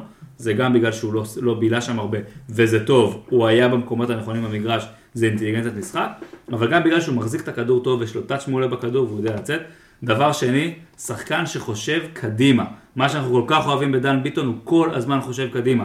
יש לו 28, אני טיפה נוגע בנתונים, 28 מסירות, מתוכם 24 מוצלחות, 86 אחוז, כמעט הכל היה קדימה, זה נתון מאוד מרשים, בטח לשחקן כזה, בטח במשחק כזה, אז הוא גם מוסר כל הזמן קדימה, וגם מיד אחרי המסירה הוא תמיד נע לשטח. הרבה שחקנים לא עושים את זה, זה תופס את ההגנה לא מוכנה, זה מייצר אופציות מסירה, זה גורם לשחקן שמקבל את הכדור להיות יותר פנוי, כי לא מתרכזים רק בו, יש עוד מישהו להתרכז. המסירות שלו גם היו מדויקות. אה, לא נכון, אבל 24. 24 מתוך 28, בדיוק מה שזה, זה נתון מאוד מאוד מרשים. אה, אז הוא מוסר, הוא מקדם את המשחק, יש לו דריבל לא רע בכלל, הוא מאיים על השער, היו לו שלושה איומים, שהיחיד, ארבעה איומים, סליחה, שזה, היחיד שאיים יותר ממנו זה יובנוביץ', סבבה, וזה אחלה מספר של איומים. אה, באמת, אגב, קרוסים, הוא הוציא את הקרנות של מכבי.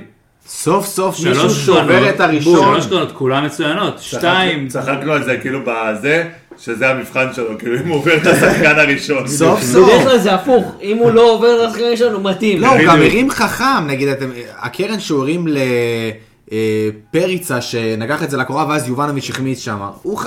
הרמה תקשיב, הייתה חכמה, הנקודות של השלוש נקודתית. קרנות, אחת בין החמש לשש עשרה, נקודה, מקום מעולה לשים את הכדור. הקרן השנייה של הפינה הרחוקה של החמש, מה שפריצה נגח, מקום מעולה לשים את הכדור. והאחרונה, לקצה השני שלך ולשחר פיבן, שמזה נולדה בסוף, ה... פיבן לא השתלט טוב, הגיע לפינה, ובסוף הכדור מהקרן הזאת הגיע לפריצה, שבעט גרוע ברגל שמאל, אם אתם זוכרים, ולא מסר ליובנוביץ'. אז הרבה הזדמנויות הגיעו מאוסקר גלוך, רוב הדברים המסוכנים הגיעו מהילד הזה. זה כיף, זה כיף. יש, יש, ספר. כן, זה עוד נתונים על... אה, אמ, 18 מאבקים, 7 מוצלחים, עם קישור כזה, מאוד יפה. מאוד יפה. אמ, יש לנו פה, גדל פה כישרון בוא, אדיר. חמישה תיקולים, בוא, 90%. נגיד- בוא, בוא נסכם את זה ככה, גדל פה כישרון אדיר, אדיר, אדיר, יש הרבה חכה, עבודה חכה, במכבי. חמסה, חמסה שום לא, בוא, בוא נדבר רגע. אתה לא. תשמע, לפי המשחק הראשון שלו, זהו, בוא נדבר. יש פה שחקן. יש פה בסדר, שחקן כמה כדורגל. שחקנים אצלנו בקבוצה היה כאלה? בוא תן לי. כמה? כמה? בוא, כמה? היה המון? שחקנים, דור מיכה, מה, לא התלהבו ממנו בהתחלה? דור מיכה היה אבל שחקן היה העונה שחקן כמעט מעולה, זה. מה יש לך? הוא היה מלך נכון, הבישולים איזה לא ארבע התלהבו בהתחלה. גאל מרגוליס לא התלהבו בהתחלה? לא, גיא מרגוליס מהרגע שהוא עלה, התלהבו עליו בנוער. אני זוכר כי חברים שלי תמיד צוחקים שאני- גמרתי לא לו את הקריירה. לא, התלהבו כשהם עלו לבוגרים, אבל במשחק הראשון של הבוגרים, לא אמרת עליו, וואו, כוכב כדורגל. זה לא היה הרבה זה- זמן זה- כזה, על זה אני מדבר. אני אני מקווה. אני מקווה שלא נקבל פה במשחק הבא נגד באר שבע, אני- דבר ראשון אני מקווה שהוא יפתח. גם אם הוא ישחק לא מקווה- טוב, זה לא מקווה אומר שום. דבר. דרך אגב, אני מקווה שהוא יפתח ביחד עם דן ביטון וקניקובסקי. לגמרי, אגב, אני לגמרי. מקווה שנקבל את שביטון יהיה. בעשר והוא ישחק אני- שמונה, בדיוק, לגמרי. אני מאוד מקווה שנקבל את זה. אבל, שנשחק כבר שלוש, חמש, שתיים, עוברים לשם בלמים. ספירו אומר, אני. עובר לחלוצים, ואני רוצה להתחיל דווקא מיובנוביץ'. איי איי איי. בוא נתחיל מה-XG, 0.91. אה, שלושה מצבים של גול, לא, שניים לפחות היו מצבים של גול. מה, היה לו את המפריצה? זה שרק, זה שרק, בסופו האקזי של של זה דבר. 0.53, זה האקזי של זה. אוקיי. שזה אקזי מטורף. והמצב הזה שהוא היה בפינה שם, תן טיל, תן טיל. אה, זה הוא לא היה צריך. לבעוט בכלל, לא היה צריך. לבעוט היה בעיניי. לו שתי נגיחות שנתנו לו את האקג'י הזה, נכון. ואת הבעיטה הזאת, שאר המצבים שלו, אני- הבעיטה היה- מחוץ ל-16, יואו! צימה עם מעשה לבעיטה מעולה. היה צריך לתת פה גול. נכון. הוא היה חייב לתת זה גול. משחק שהרגיש לי שזה המבחן שלו. לפני זה ישבתי ואמרתי, אני חייב שהוא ייתן גול. כאילו, זה מין מבחן כזה של מישהו שאתה מביא במאני טיים, ואתה אומר, תן. אחי הביא לך 6 נקודות בשתי המשחקים לא, הראשונים, נכון, הוא נכון, נכון. והוא יביא. הוא יביא עוד נקודות, שוב. הוא חלוץ אה, צעיר והוא חלוץ מעולה, והוא... ואתה רואה שקשה ל... אה, קשה להתמודד איתו. מה שכן מפריע לי אצלו, אה, הוא תמיד מנסה והכל טוב, אבל הוא מרגיש לי, אם בהתחלה לא, לא, לא שמתי לב לזה, הוא מרגיש לי גמלוני מדי. אה, מה, במשחק רגל, בריצה, כן, עם הכדור? בהכל, ב- ב- בהתנהלות שלו עם הכדור, אם הוא לא משחרר בראשון את הכדור פס לקדימה או לא אחורה, לא משנה, הוא מאבד את הכדור. אבל זה מה שצריך, אתה צודק ב-100%, אבל זה- זה מה שאני מצפה זה- מחלוץ כמוהו. זהו, אבל זה מה שידענו גם שאנחנו מקבלים. ידענו שאנחנו לא מקבלים את החלוץ המהיר הזה, שעושה דריבל, הוא גם אמר את זה בעצמו, אני, לא- אני לא יכול לעשות אה, דריבל על ארבע- 40 מטר של דריבל. לא, אבל זה ויכול- לא, זה לא רק 40 מטר. כי נגיד, הוא, הוא עצר את הכדור, אוקיי, והכדור אצלו ברגל, ואין לו אופציה מסירה ראשונית, הלך הכדור. נכון, אתה צודק, אתה צודק, אבל זה, הלך. ככה זה חלוץ מטרה. זה שפריצה כל כך יותר טוב בזה, זה מעל המצופה. יובנוביץ' זה, זה נקודה חלשה שלו, זה בסדר, זו נקודה חלשה שלו, מה שהוא צריך לעשות זה התנועה ללא כדור שהוא עושה מעולה, הבעיטות הראשונות שהוא עושה מעולה. בואנה, מתוך אה, שישה, ששת השערים שלו, חמישה בנגיעה, חמש בנגיעה, ואחד אה, זה מה שנגע לו בביצים או לא יודע מה, ואז שם את הגול נגד הפועל תל אביב. חלוץ, מדהים, אבל במשחק מבחינת, לא מספיק טוב. מבחינת נתונים, אז כמו שאמרנו, יש לו 13 מסירות מדויקות מתוך 19, אה, ארבעה מאבקי אוויר מוצלחים מתוך שבעה, על פלניץ'. על פלניץ', נכון, חשוב לציין את זה. אה, בקרקע יש לו רק ארבעה מתוך 12, דריבלים יש לו אחד מוצלח מתוך אה, שניים, וגם תיקול אחד מוצלח, אה, הוא איבד עשרה כדורים. אה, שש בעיטות, שלוש למסגרת. כן, הוא, הוא היה צריך להיות יותר חד המשחק. היה חסר הגול. היה חסר הגול הכל. הזה, ו... היה חסר הגול, וזה בעצם זה מה גול, שאומר נגיד, הכל.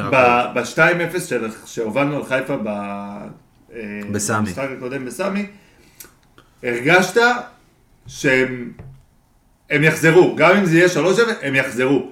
פה אם היית שם את השני, היית גומר את המשחק. מסכים איתך, מסכים איתך. טוב, בואו נעבור לפריצה, שניידר. אז פריצה. אה, קודם כל בוא נדבר באמת על המיקום שלו במגרש, אה, מה שספיר התחיל קודם לגבי שמיר. אז פריצה, ממש אם רואים ב- את המיקום הממוצע של הפעולות שלו, זה בקו אחד עם גלוך. הוא ירד ממש אחורה, והוא עזר לנהל את המשחק ולייצר אה, מצבים, אני חושב שזו דרך מצוינת להשתמש בפריצה, הוא עשה את זה טוב, נתן כמה מסירות מעולות, בישל, הוא בישל את הגול. בישל את הגול ונתן עוד כמה מסירות לגול, הוא נתן אה, פ- פעמיים פס ההחמצה לגול. איזה. כן. איזה כל דאבל. המהלך הזה, איזה כל המהלך הקודם נכון. לדאבל פאס הזה היה מהלך של כדורגל מטורף. והוא. נע בצורה כל כך טובה, והוא נותן כדורים כל כך חיים וכל כך נכונים. הוא גם הלך הרבה לקו, שזה מה שהוא לא אמור לעשות, זה מראה את הגיוון שלו. הולך לקו כי לא היה שחקן ששמיר לא עשה את זה ופיבן לא עושה את זה והוא מזהה את המקום והוא הלך לשם ונתן גם איזה, בוא נראה כמה קרוסים היה לו, אה, נתן גם כמה קרוסים אה, בגלל הדבר הזה. אה, חבל, זה היה משחק. כן, שני קרוסים ב-50 אחוז, שלוש מסירות מפתח, שזה מאוד מאוד מרשים, זה אחלה של דבר, 13 עיבודי כדור, אנחנו מצפים את זה מחלוץ, הוא חילץ כדור אחד, אה, אה, היה לו אה, אסיסט אחד, שלוש בעיטות לשער, אחד למסגרת, אני ממש מצפה ממנו לשים את הגול הזה ברגל שמאל, אבל מה שעוד מאכזב אותי, זה שהוא לא מסר את זה ליובנוביץ', כי זה ממש היה מראה לי, אני מרגיש כאילו איזושהי הליכה אחורה בדבר הזה. במערכת יחסים. במערכת היחסים, שוב, זה לא שהם עכשיו אנטי אני לא אחד חושב. זה כי- זה כי אף אחד מהם לא כובש כבר כמה מחזורים. נכון, אבל כאילו אתה אומר, אם הוא היה מוסר ליובנוביץ', זה גול. זה נגמר, עכשיו כן. בסדר, אני גם מצפה ממנו לבעוט את זה, אבל אם הוא היה מוסר את זה, זה היה יכול להיות גול. וכאילו, אני מרגיש שהוא היה ביותר מדי לחץ לשים כבר את הגול בעצמו, שהוא לא מסר. מרגיש ששניהם. ששניהם מנסים לשבור את הקרח. מנסים לשים את הגול. אני לא חושב, כבר- אני לא חושב כבר שיש ביניהם חוסר פרגון. לא, לא, לא, זה לא קשור לחוסר, ש- זה לא קשור לחוסר לא, פרגון, לא זה קשור, נכון. זה קשור לזה שכבר אה, שלושה שניהם משחקים, רוצים לתת גול. הם לא- לא נותנים שניהם גול. נכון, שניהם כאילו מחכים לגול הזה, רק נתון אחרון, היה לו אה, 16 מסירות ב-81 אחוז. זה אחוז מעולה, מטורף הכל. קדימה, משחק טוב שלו, והוא היה צריך לשים גול. זה- אבל זה- חלוץ, חלוץ חייב לשים גול. את הגול. זה מה שמבאס שתי כדורים לגול, זה... נכון, אבל... זה מה שמבאס אותי, כי באמת, כאילו מכל השחקנים שעברנו עליהם, אני חושב שלשמונה היה משחק כל כך טוב, ועדיין לא הצלחנו לנצח. אתה מבין למה אני מרגיש שאני- זה- שזה כמו הפסד? זה ככה, זה ככה היה. בסכנין, כל הפלייאוף העליון הזה מרגיש הרבה מזל נאחס. נכון? גם- ברור שזה גם אלה, אבל זה גם מזל זה נאחס. קופץ לי פריצה, גם המשחק הזה מול סכנין, אורן הזכיר את זה, שהוא היה צריך לשים את הוא היה צריך לשים, הכדור. הוא היה צריך לשים, הוא היה וגם צריך לשים, יובנוביץ' גם- היה צריך גם לשים איזה נגד. חיפה הוא היה צריך לשים. אגב, זה- נתונים על הפלייאוף העליון באופן כללי, אה, מתוך תשעה משחקים שהיו עד עכשיו, היו חמש. תוצאות תיקו, עזוב את זה, אנחנו חמש תוצאות תיקו, וארבע ניצחונות. כל הניצחונות של הקבוצות הביתיות. וואו. מה שמפחיד קצת לקראת המשחקים שלנו גם בבאר שבע, וגם נגד חיפה הבא בחוץ. אז בדיוק עכשיו, לפני שאנחנו נעבור לבאר שבע ונדבר קצת לקראת באר שבע, האם יש שחקנים מחליפים שיש למישהו פה משהו להגיד? איזה שקט, אלוהים, אני מרגיש כמו בכיתה. אני, לא, אה, זה לא שקט, כי המחליפים לא תרמו יותר מדי למשחק של זה מכבי. משחק- כאילו לא, זה אם יש מישהו ספציפי. שלישי או רביעי שאנחנו לא מקבלים כלום מהמחליף. אני אגיד לך מה הבעיה, ו... ולא זוכר אה, עם מי הייתי שם אה, ב... בטוויטר ו... ודנתי איתו על זה. למכבי היום אין שחקנים מספר 12 ו-13 שיכולים להיכנס ולשנות משחק. מכבי, עם מה שהיא פותחת, היא נחלשת. חיפה, בחילופים שלה, היא... הם החליפים של מכבי חיפה ניצחו את המשחק. אה, עשו את התיקו. עשו את התיקו, אבל אני אומר, החילופים של מכבי חיפה, השוו, השוו כאילו, אתה לא מרגיש הרבה הבדל בין שחקני ההרכב הראשון למחליפים שלהם. במכבי הפער תהומי, זאת אומרת, אם הוצאת את אה, אוסקר גלוך והוצאת את... אה, אה, את... את קניקובסקי. שומעים פחות, את הוצאת קניקובסקי. את פריצה. אתה מבין, והכנסת את ריקן, והכנסת את... חוזז שם. חוזז. אין לך מה. וטל נכון. בן חיים שבאמת. לא מצליח עניתם להבין. לי אז על יש לנו- זה השאלה. משהו, רגע, זה משהו שאני לא מצליח להבין, איך גולסה במשחק הזה אפילו לא מקבל... יש דקות. עניין, לקרסטייץ' יש איזשהו עניין אה, סביב גולסה, יכול להיות שיש פה גם ענייני כשירות, יכול להיות שהוא לא אוהב את הסגנון שלו, אני לא יודע בדיוק מה המצב שם, אני מסכים איתך ב-100%. אני כן חושב שיש לנו שחקן 12-13, והשחקן ה-12 רוב הזמן זה או בלטקסה שהוא בלם, וזה נראה טיפה אחרת השינוי, אה, או גולסה שלא מכניסים אותו, אבל הוא בהחלט שחקן איכותי, שיכול לתרום גם ריקן, גם טל בן חיים יכולים לתרום, זה לא קרה פה, אני כן רוצה לדבר על המחליפים דווקא בהקשר של מתי שעברנו ל-4-3-3. כי המעבר שלנו ל-4-3-3 באזור הדקה 70, 60, משהו כזה, שנכנסו כן. החילופים, לא עשינו שום דבר במחצית השנייה, ברבע שעה הראשונה, וששינינו ושיחקנו על האגפים הדלים שיש לנו, אבל יש לנו אותם קצת, במשחק נגד חיפה, זה היה טוב, הגענו לכמה וכמה המצ'אפ הזדמנויות. הזה, המצ'אפ הזה של השלוש נגד שלוש, שהיה שם שלושה בלמים על אה, שלושה שחקנים, שלושה שחקנים וואי, היה התקפה לנו שלה, טוב. זה היה מצוין. אנחנו יודעים לשחק ב-4-3-3, לא צריך לנהל על השני חלוצים, יובנוביץ' משחק טוב גם מצד שמאל, פריץ מעולה, גם כחלוץ בודד, למרות ששוב הם מאוד מפריעים אחד את השני, אבל הגענו, וגלוך במתחת לחלוץ היה מעולה גם שם. ה-4-3-3 הזה הביא לנו איזה ארבע הזדמנויות טובות לש, לשערים, ואני חושב שזה, היינו צריכים צריך לעבור על לדבר זה על זה קודם שבמשחק הזה ולשמור על זה. שינינו שלוש פעמים את המערך. ב-4-3-3 ואז זה 3 ארבע- 6 התחלנו 1 4-4-2 יהלום, נכון. ואז עברנו ל-4-3-3, ואז עברנו ל-5-3-2. לדעתי זה היה יותר כמו 3-6-1, אבל... אה, שלוש, שש, אחת, כן, וואו. שיחקנו מאוד, אה, שיחקנו מאוד מאוד הגנתי בסוף, וזה מאוד פגע בנו. אם היינו שומרים את ה-4-3-3, הגול גם היה מגיע לדעתי, אבל אה, בסדר. עניתם לי על. השאלה, ונתתם פה אחלה של תשובות, ובואו נעבור עכשיו למשחק נגד בש, אנחנו ביום ראשון, ב-17 לרביעי, חברים, בשמונה וחצי, בטרנר, דאבל נגד בש יש לנו. דאבל בש, אבל בואו נדבר על הבש הר- הראשוני שזה בליגה. אי אפשר לדבר על אחד בלי לדבר על השני, כי בסופו של דבר זה משחקים שתמיד מושפעים אחד מהשני. אם אתם זוכרים, הייתה העונה שפגשנו את אה, חיפה. מהגביע 6-1 אה, וה... לא, זה הבית 6-1 6-0, ואז- 6-0, ואז ואז הם הפסדנו ניצחו אותנו בגמר. גביע. אה, אז אי אפשר לנתק את המשחקים האלה, זה תמיד משחקים נגד אותה יריבה כשהם בפער של כמה ימים, הם תמיד מושפעים אחד מהשני. גם אתה מרגיש שזה כאילו מתוכנן, תמיד. מי נכון. שאתה משחק איתו בגביע, תמיד, תמיד זה משחק אחד לפני. אחד אחרי אתה משחק, איך זה נכון. קורה? אה, יש לי שאלה, האם זכור- זכורה זכורה לכם קבוצה שפגשה גם בגביע וגם בליגה באותו שבוע את אותה קבוצה וניצחה וניצחה פעמיים? ככה תספר. נו. כי אני לא זוכר. בשנת 97, לא, לא, לא, האמת- האמת אה, ש- זה בשנה שנולדתי, אתה מבין, יופי. הכין לי משהו שהיה לי בראש, אבל זה היה פה, פגשנו את הפועל פתח תקווה פעמיים באותו שבוע, פגשנו אותם בליגה, ניצחנו אותם, ואז פגשנו אותם בגביע והפסדנו להם. נו, אז על זה אני מדבר בדיוק, כל זה- יושב לי. בראש המשחק הזה שאני אומר, רגע, מה מה אפשר לעשות, מה צריך לעשות, מה... אז בן אה, ג'וי, ניצח התחלת- לגעת בזה, בוא תמשיך. אני אומר, אני אומר, קודם כל, אה, אני חושב שבכושר הנוכחי והזה, אני חושב שאנחנו ב... אנחנו יותר טובים מהם. במיוחד במצוקת חלוצים שיש להם, שאורקביץ לא משחק. ושכטר לא משחק. טיבי אה, גם בספק גדול שהוא לא יכול להיות שהוא לא? ישחק. טיבי, טיבי. שגיב יחזקאל פצוע, אין להם כן, באמת יש להם סגל מאוד מאוד. קצר, אה, שוב, זה בואו לא נזלזל, זה. יהיה משחק, גם לנו בדיוק, יהיה משחק מאוד בואו מאוד נזכיר, קשה. הפסדנו שם 2-0 ב- נכון, בטרנר. אה, יהיה משחק מאוד מאוד קשה. אני לא יודע עם איזה הרכב קרסטייץ' יעלה, אם הוא יישאר עם ה-442 יהלום, אה, או שהוא יעשה כבר את ההכנה לקראת הגביע, ואם יעלה עם שחקנים ש... אה, אה, פחות, שהוא לא רוצה... אני לא כן, מרגיש שקרסטייץ'. שומר שחקנים בדרך כלל, אני מרגיש אני. גם לא מרגיש את זה, אבל לא יודע, יכול להיות שעכשיו בגלל שבאמת העונה כזה, אולי נפל להם האסימון יעזוב את הליגה וזה, כן. אז הוא ירצה את הגביע בשביל החוזה. כן, שאני חושב שזה לא אמור להיות קשור, אבל... ברור כמו שזה לא ההוא. לפניו, ירצה את הגביע בשביל החוזה. אני חושב שזה הבדל תאומי בין אה, להשוות בין בן לובן... דברים אבל אחרים זה אחת הסיבות. לדעתי שהוא קיבל את החוזה בשנה הבאה. בואנה, אתה מתייחס אליו כמו לוולדמורט. מה אה, זה? יש- יש? סיכוי, ההוא שלא מזכירים את שמו. אתה מבין? לא רוצה לפתוח את זה. השאלה שלי היא כזאת, שניידר, ואני פונה אליך, זה בדיוק על מה שבן ג'ויה דיבר. האם אתה שומר שחקנים לגביע, או שאתה פותח עם ההרכב הכי חזק שלך? מה אתה... אין שאלה בעיניי, כמה יש איזה חמישה ימים ביניהם? שלושה. שלושה ימים ביניהם. ראשון רביעי. בעיניי אפשר לפתוח עם ההרכב הכי חזק שלנו, אם צריך, תלוי מה עושים, אז אה, להוריד בדקה 60, ת- תוריד חלק מהשחקנים. יש חמישה חילופים, אפשר יש להשתמש חמישה בהם. חילופים, גם במשחק הבא תוכל לעשות חמישה חילופים, כבר שיחקנו הרבה פעמים בדבר הזה, השחקנים הם בכושר משחק טוב, לא אמורה להיות בעיה, ולמרות שהסגל שלנו לא מאוד רחב, כן יש לנו עומק בשחקנים כמו גולסה, ריקן יכול לתת דקות מעולות, ואני חושב שקרסטייץ' צריך לפתוח עם ההרכב החזק שלו, כי יש פה השפעה מנטלית חשובה על הקבוצה, והקבוצה הזאת צריכה להמשיך לרוץ ולנסות, ו- וכאילו... זה בשביל עונה הבאה כבר עכשיו מבחינתי. ועזוב גביע או ליגה, אנחנו צריכים לנצח כל משחק, לעלות במנטליות נכונה ולמצוא את, ה-DNA של הקבוצה שלנו. אני חושב שאנחנו צריכים להתרכז בעצמנו ולא משנה מה המערך ומה המצ'אפים המדויקים שבאר שבע אה, יעלו מולנו, אנחנו רוצים לשחק את הכדורגל הכי טוב שלנו, אנחנו קבוצה מספיק טובה בשביל לעשות את זה ואנחנו לא צריכים להתעמק יותר מדי בהתאמות מול היריבה.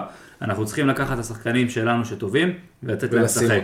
אנחנו צריכים לתת לאוסקר גלוך להניע את המשחק יחד עם קניקובסקי, זה יעבוד מעולה. אני מקווה שדן ביטון יהיה כשיר ובאמת נראה את זה בצורה של... אני מקווה שעידן ביטון יהיה כשיר, אני חושב שיכול יכול להיות מעולה, אבל אין לי בעיה גם עם ריקן מאחורי החלוץ, ויש לנו עוד פתרונות, ואפשר לשחק עם גולסה, שיניע כדור וישים את גלוך מאחורי החלוץ. יש לנו הרבה פתרונות שאפשר לעשות.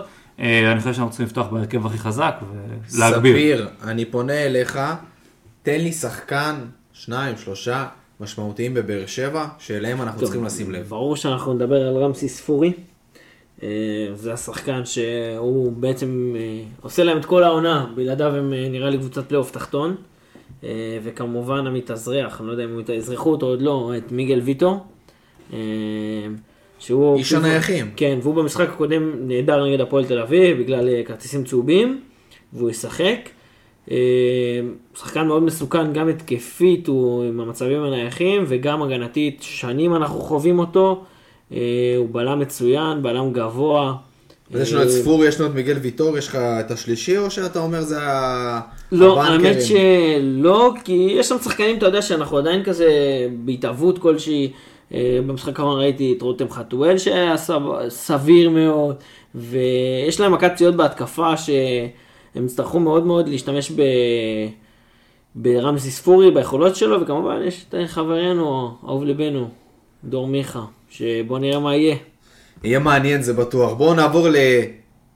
להימורים. רגע, בוא נדבר על ספורי טיפה לפני זה, הוא ב- הוא בכושר לא הכי טוב. לא הכי טוב, אבל הוא הפיבוט שלהם העונה. הוא... הפיבוט שלהם העונה, ו-. אבל הוא נראה לא טוב בזמן האחרון, הוא לא הבקיע? מאז מרץ, הוא בישול האחרון שלו היה בשני אה, למרץ נגד אה, פתח תקווה, אה, גם מבחינת אה, מסירות מפתח, לא נותן יותר, יותר מאחד למשחק כבר הרבה מאוד זמן, זה לא ה- כל משחק שלושה, ארבעה, שתיים שהיה נותן בהתחלה. בואו, אל תשכחו שרוב הבישולים שלו גם העונה היו מכדורים נייחים. נכון ל- מאוד. לזה, במשחק שוטף. אני... לא, הוא יכול להיות איכותי מאוד גם במשחק שוטף, נכון, אבל אני הוא אומר, בפורמה אבל לא טובה. במשחק שוטף, מה קרה? לא, לא, בסדר. מה, בדקת זה? מ- ליגה אנחנו. בפיגור 2-1 אה, בגביע. בגביע, בליגה. כן, בליגת נוער.